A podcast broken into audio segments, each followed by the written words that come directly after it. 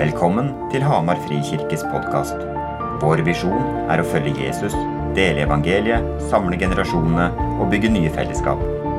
Les mer om oss på hamarfrikirke.no. Her er talen fra søndagens gudstjeneste. Ja, jeg har alltid lyst til å begynne med en liten bønn. Kjære far, jeg ber om at uh, vi skal bare bli minnet om, Herre, at det er ikke først og fremst vi som makter å følge deg, men Herre, det er du som har din gode hånd, og det er du som i din utrolige nåde, Herre, fører oss inn på din vei, igjen og igjen. Amen. Jeg vet ikke hvilken tanke du, kjære venn, har for dette med bærekraftig etterfølgelse. Smak litt på de ordene. Bærekraftig etterfølgelse. Jeg har snakket med et par litt yngre. Hva de har eh, tenkt på disse her. Hva ligger det der? Bærekraftig etterfølgelse.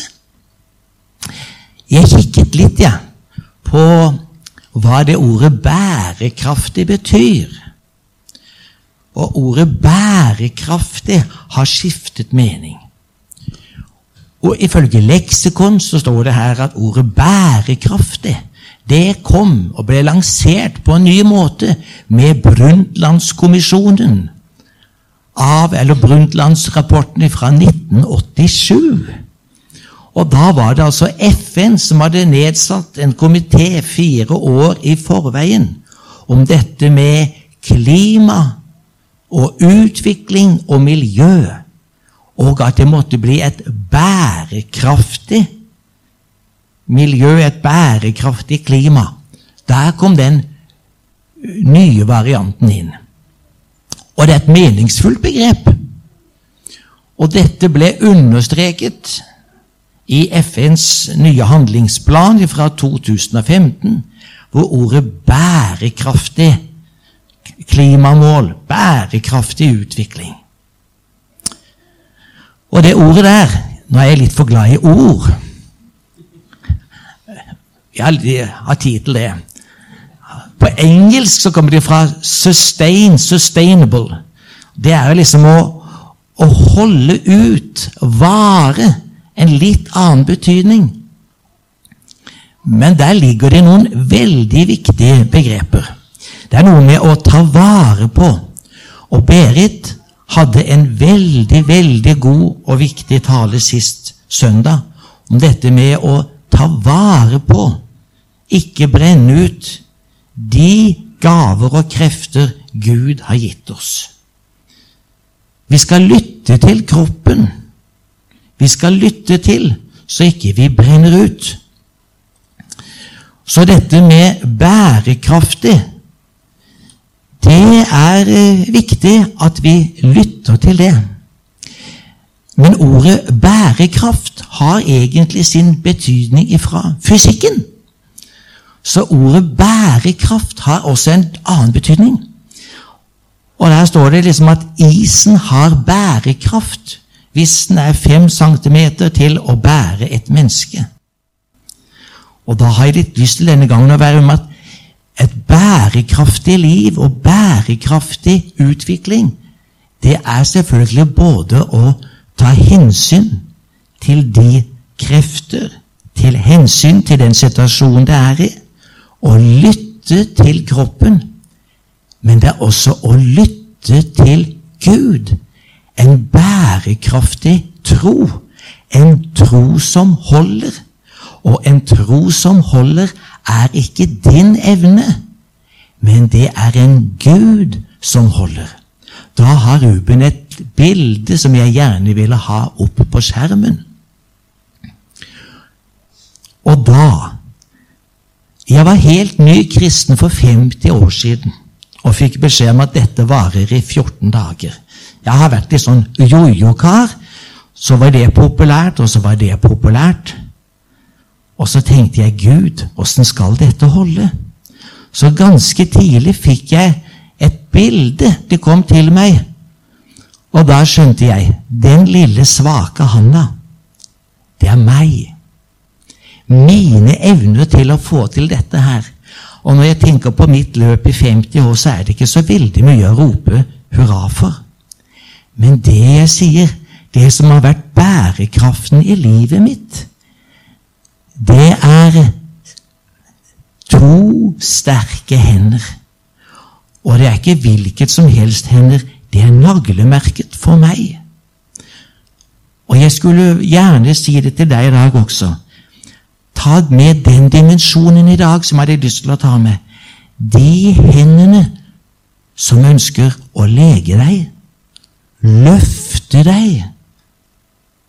De hendene som ønsker å kjærtegne deg. Og jeg har kjent så mange ganger hvor svak min han er, og hvor mange ganger jeg har falt. Og så er det denne handa til Gud. Den er god, den er myndig, den er bestemt, men den er også uendelig tålmodig og full av kjærlighet. Denne hånda ønsker jeg å holde fast i. Eller for å si det sånn jeg er glad for at denne hånda holder fast i meg. Det er nok mer slik det er. Og et bærekraftig liv ønsker jeg å få lov til å understreke. Det er gleden ved å få kjenne, vite, at det er en som holder når jeg ikke klarer å holde. Det er en som løfter opp når jeg snøbler. Det er en som leder meg inn igjen når jeg har gått meg vill. Det er en som har en kraft som ikke jeg har.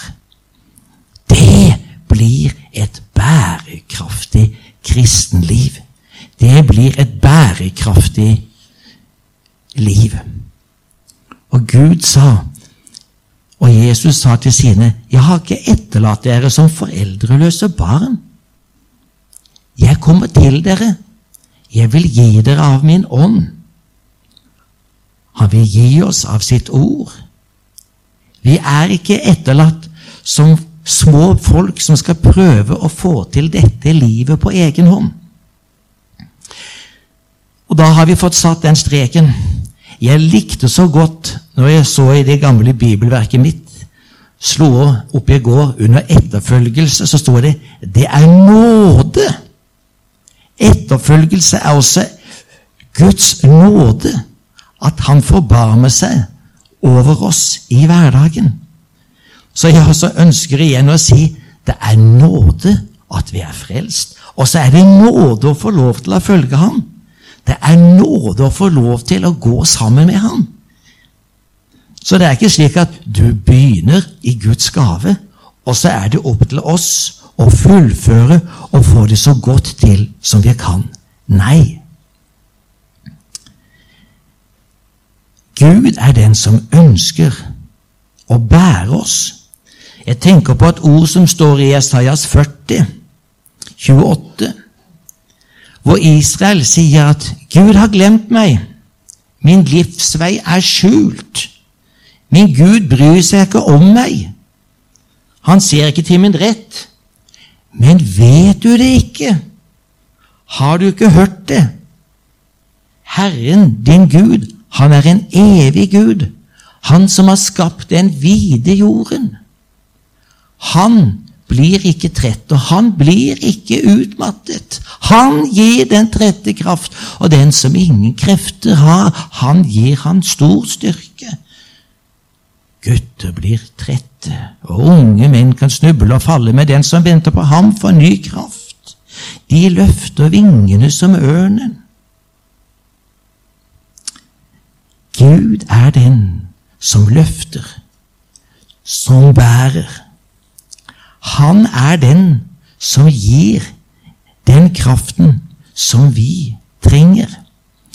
Å følge ham et liv i etterfølgelse er takk og lov noe langt mye mer enn et program på ti punkt som du må prøve å følge.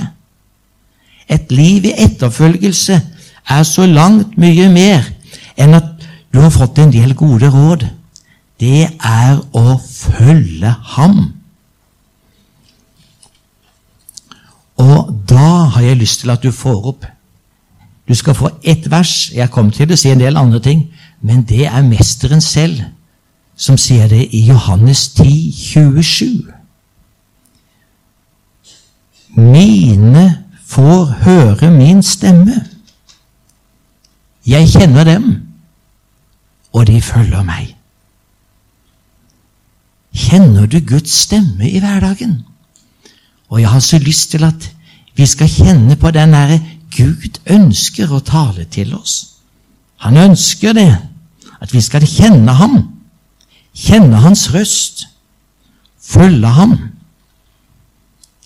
For det henger så tett sammen. Et liv i etterfølgelse Et liv i etterfølgelse er altså ikke bare at Jesus skal gå sammen med meg, eller Jesus skal prøve å hjelpe meg. Men han går foran. Det er litt viktig. Ofte så vil jeg, og det må jeg si mange ganger Hvor mange ganger har jeg ikke løpt på egen hånd? Og hvor er du, Gud? Og så har jeg løpt helt på egen hånd. Et bærekraftig liv, det er at han får gå foran. Han vil det. Ikke bare ved siden når du har det tungt, men han ønsker bestemt å gå foran. Hvis ikke, så er jo ikke noe hyrde. Da er det du selv som er det. Men han vil gå foran. Da har jeg lyst til å dele et eh, bilde, en opplevelse, som jeg hadde på midten av 80-tallet. Og noen ler litt, men jeg har en sånn gammel bakgrunn som afrikamisjonær. Langt inne i jungelen. Og da var det en liten landsby, en halv dags reise hvorfor der jeg bodde. Og vi satt rundt bålet, og så fikk jeg høre om at inne i disse skogene, Mikea-skogene, som strakte seg mil etter mil etter mil der hvor vi var. Det var et ukjent område, men det skulle være noen mennesker som bodde der inne. Og de sa mye rart, og jeg tenkte de menneskene vil jeg besøke. Ja, men de er redde. De gjemmer seg. Du kommer aldri inn dit. Selv vi har aldri sett dem. Det er ingen som kjenner til dem. Det er liksom et hvitt område på kartet. Og jeg tenkte der må evangeliet inn. Inn dit vil jeg. Og så spurte jeg åssen kan jeg komme inn dit. Du må ha kjent mann, og det er ingen til å vise deg vei inn dit. Jeg må inn dit. Og så la vi en liten plan. Vi må prøve å få kontakt med dette urfolket, Mikea-folket. Så slo jeg opp og når jeg leste om det, så står det her at man vet ikke om det finnes en stamme der inne eller ikke, men de sa det er noen stammer der inne. Ja vel. Og da hadde vi en plan. For det var noen som bodde enda lenger inne i utkanten av skogene. Og da var det en stor stenhelle. Der, hvis du legger en gave på stenhellen, og den er borte dagen etterpå, da vet du at Mikea-folket har tatt imot den og så gir de deg en gave tilbake igjen. Vi prøver det. Og i ett år så la vi ut gave på den stenen. Og hva var det de ville ha? Jo, det var snus. Og så var det litt tøy. Og så sa jeg de skal få hele butikken med snus. Nei, sa de. Da ødelegger du hele handelsbalansen. Ja. Men ett år, og så fikk jeg beskjed. Det er én som vil følge deg. Det er en Mekea. Han vil følge deg. Og da tenkte jeg dette blir mitt livs opplevelse. Og jeg fikk oppleve det. Det kom en veiviser. Og han så at jeg kom med bil. Om jeg hadde vært en blå månemann med rakett, så tror jeg nok at sjokket hadde vært like stort for ham. Og at jeg var hvit. Men altså, han møtte meg, og det utrolige var at jeg kunne stort sett snakke språket hans, sakalav-dialekt. Og det var spesielt. Og så begynte vi å gå, og så sa han bare 'Fire Lambo!' Tenkte i all verden Jeg holdt på å gå rett opp i en villsvinfelle med spisse øh, grener som hadde tatt og perforert foten min. Og jeg så ikke det. Så gikk jeg videre, og så var det altså Pass på! Der var det altså et tre. Og det treet fortalte det. Hadde jeg fått sevje eller sprut fra det grenet der, så blir du blind, du får brannsår på ansiktet. Han måtte vise hva slags steder jeg kunne gå. Og jeg, når jeg ser en kvist eller sten, vil jeg liksom bare feie det til side. Hva er det du finner på? Det er jo skorpioner under alt, og ikke visste jeg at det var tre typer skorpioner. Røde og gule og sorte. De sorte var de minst farlige. Altså, jeg var helt hjelpeløs. Det var noen enorme strekninger, mil på mil. Det var ingen sånn topografiske forskjeller. Det var en flat sandslette. Jeg hadde gått meg vill, men jeg hadde en kjent mann som kunne vise meg vei. Jeg var helt hjelpeløs uten han. Og jeg kunne gjerne fortalt deg mer om det folket, men jeg skal ikke så mye. Men at, hvordan kunne de finne vann der inne? Jeg hadde tørstet i hjel, men han visste hvilken vekster som inneholdt vann. Han visste også hvordan han kunne ta og grave i jorda og finne røtter, og de var ganske gode og spiselige. Men jeg var totalt hjelpeløs uten at han hadde vist vei gjennom farer og gjennom ting. Men jeg stolte på ham. Det nyttet ikke med noe kart der, men jeg hadde en kjent mann som ville meg vel. Og jeg kom inn i den lille Vikea-landsbyen. De har ingen hus, de har ingen klær. De graver seg ned i sanden om natta. Fantastisk, men jeg skal, skal ikke si så mye mer.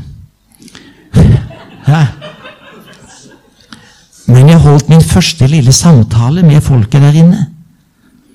Fordi at de hadde en tro på en Gud, en skapergud, som hadde skapt to mennesker. Som hadde gjort opprør mot skaperguden og forlatt ham. Og nå var de overlatt til naturånden og fedreåndene. De hadde gått seg vill. Og så kunne jeg fortelle om at det fins en vei tilbake igjen til den gode skaperguden.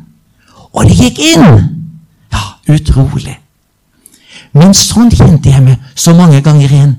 Så hjelpeløs jeg hadde vært i livet hvis jeg ikke har en venn, en personlig venn, som viser vei. Alle gangene jeg har gått meg bort. Mine får, mine barn, hører min røst. Hører jeg hans røst? Kjenner jeg hans røst?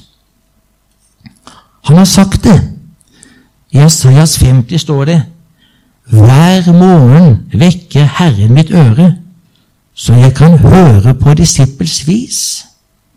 Herre, det er så mye støy. Det er så mange ting. Gi jeg tid og rom, så jeg kan høre Hans røst. Av hvordan kan jeg høre Hans røst? Ganske nylig så var det et menneske som da sa til meg Gud har vært taus i mange år. Mange år. Han er taus. Så var jeg så frimodig. Du opplever kanskje det, men Gud er ikke taus. Og noe som blir stadig større for meg, det er at Gud taler i sitt ord. Og det ordet, det er levende. Det er virkekraftig. Det trenger igjennom. Ånd og sjel, marg og ben og dømmer hjertets tanker og planer. Det er leger.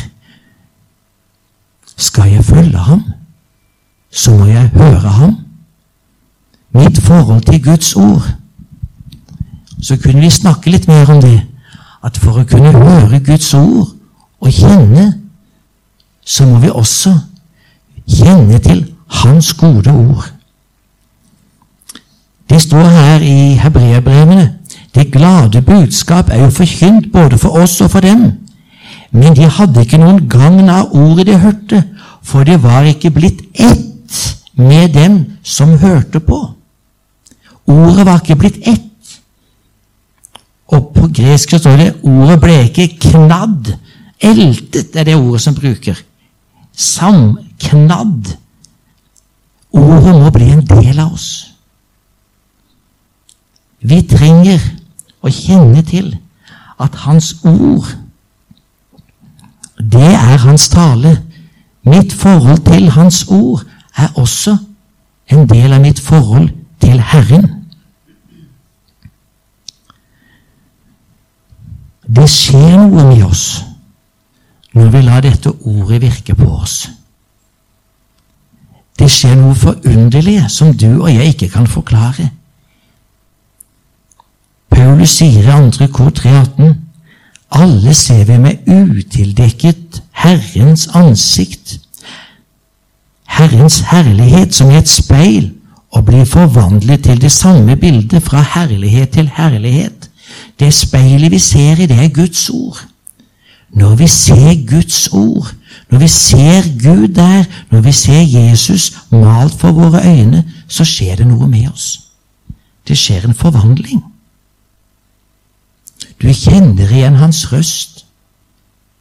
Du kjenner igjen hans hjertelag. Og så skjer det en forandring. Jeg var en gammel og innbitt ungkar da jeg giftet meg, og hadde et lass med uvaner og mange ting.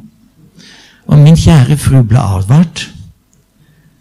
Og så fikk jeg høre mange år etterpå ekteskapet har gjort noe veldig godt med deg, Lars. Du har blitt en helt annen person. Ja.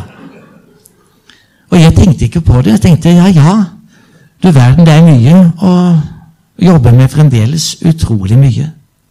Men folk sa det ekteskapet har gjort noe med deg.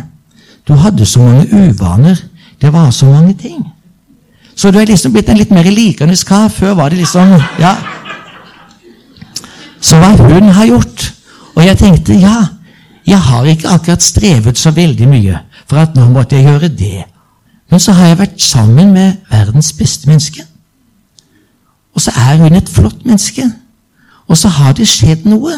Forhåpentligvis, da. Hvor mye mer er det ikke når du får høre hans røst? Kjærlighet har vi den i oss selv. Vi trenger denne berøringen av Han. Er noe der. Ordet må bli ett med oss. Lytt til det jeg sier, min sønn. Vend øret til å høre mine ord. Slipp dem aldri ut av syne, men bevar dem i ditt hjerte. For det er liv til den som finner dem, og legedom for hele ditt hjerte. Ordet ikke bare holder det på sporet, men det fører deg like frem til ham.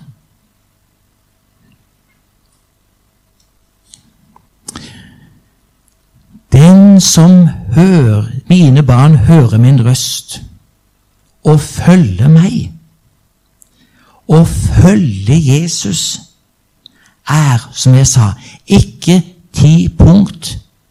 Det er ikke loviskhet, men det er lydighet. Det er et hav av forskjell. Loviskhet er for at du skal oppnå Guds Godhet det er for at du skal oppnå noe eller oppfylle folks krav og forventninger.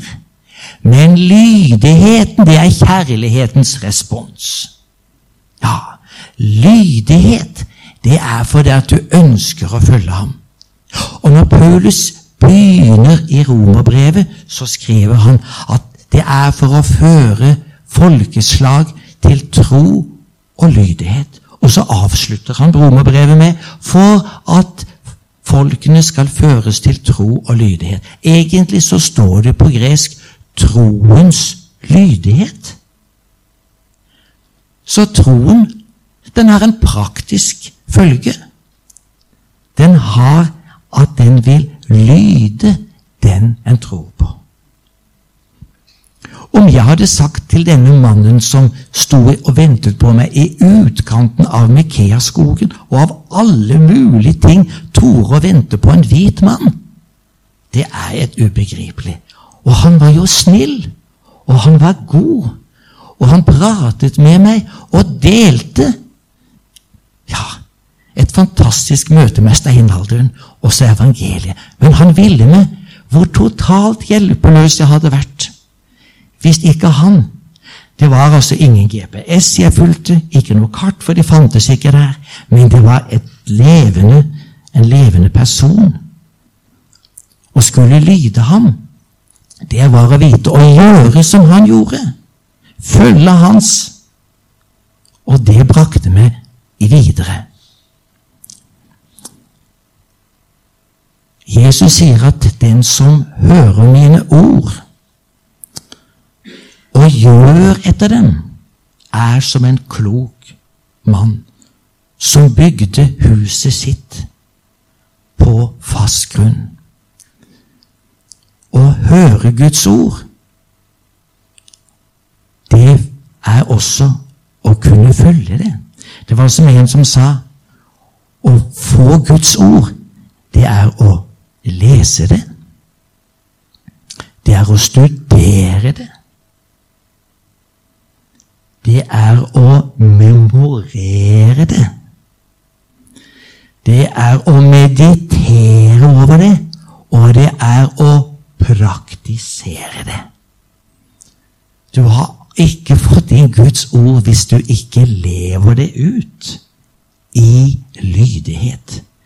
Og da får bli til kjøtt og liv og salighet i mitt liv og i ditt liv. Jesus sa jo selv 'Jeg kan ikke gjøre noe hvis ikke Faderen har vist meg det'. Min vilje Jeg er ikke kommet for å gjøre min vilje, men Hans vilje som har sendt meg. Og Jesus sa at slik skulle vi også vandre. Jeg håper du ser dette her. At det har Det er et løfte, men det er også en utfordring. Skje din vilje, ber vi Fader vår. Og det betyr jo at vi ber hver dag Gud, skje din vilje. What would Jesus do? var det mange som hadde på armbåndene før. Og det er altså dette her også. Å følge etter ham er ikke aktiviteter. Det er ikke at du må ha syvende sansen full. Det er ikke hvor mye du får til. Det er personlig mellom deg og Gud, og jeg kan takk og lov ikke sette opp noe program for noen. Det er ditt eget hjertes holdning. Det kan du gjøre om du ikke har krefter. Det kan du gjøre om du skulle være syk og skrøpelig. Men å følge ham, det er den vandringen med ham i det små det er den vandringen. Det står her i Hebrebrevet 12 at siden vi har så mange vitner, så legg bort alt som tynger, og også synden som så lett henger fast på oss, og har blikket festet på ham, som er troens opphavsmann og fullender. Og jeg ser meg selv igjen inne i Mekea-skogen. Den nakne, smidige, senete, brune mannen som sniker seg forbi disse tornetrærne og buskene, og jeg må prøve å holde felle, følge med han, og han leder meg. Men jeg må følge ham. Jeg må gå etter ham. Og hvis ikke, så har jeg kommet på vidvanke.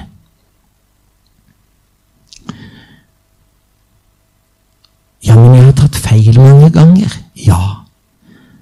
Men en, nok en gang står det hos Jesaja, som jeg er litt glad i.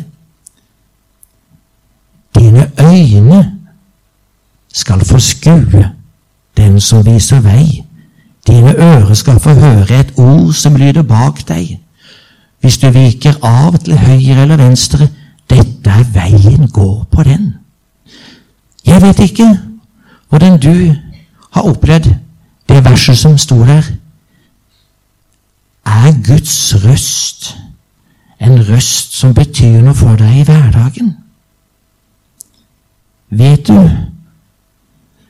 Gud kommer ikke med noe store, nye saker som du må gjøre, men han ønsker å vise sin sterke, gode hånd. Det er den som skal holde deg på veien videre. Opplever du at stemmen hans er blitt svak, så sier han 'Jeg vil tale til deg'. Mitt ord er levende. Jeg ønsker at du skal få kjenne at du er mitt barn.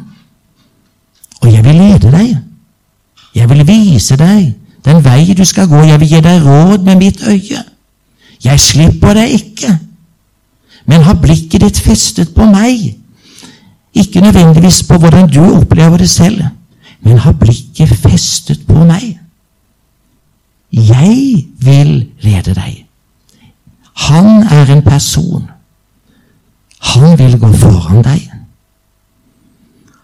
Hans vil være et lys om natten og en skystøtte for deg om dagen. Hånden din, den er liten og skrøpelig, men det gjør ingenting, for hans hånd er så uendelig stor og sterk. Et bærekraftig liv er etterfølgelse, det er han som vil bære dem som vil følge etter ham. Amen.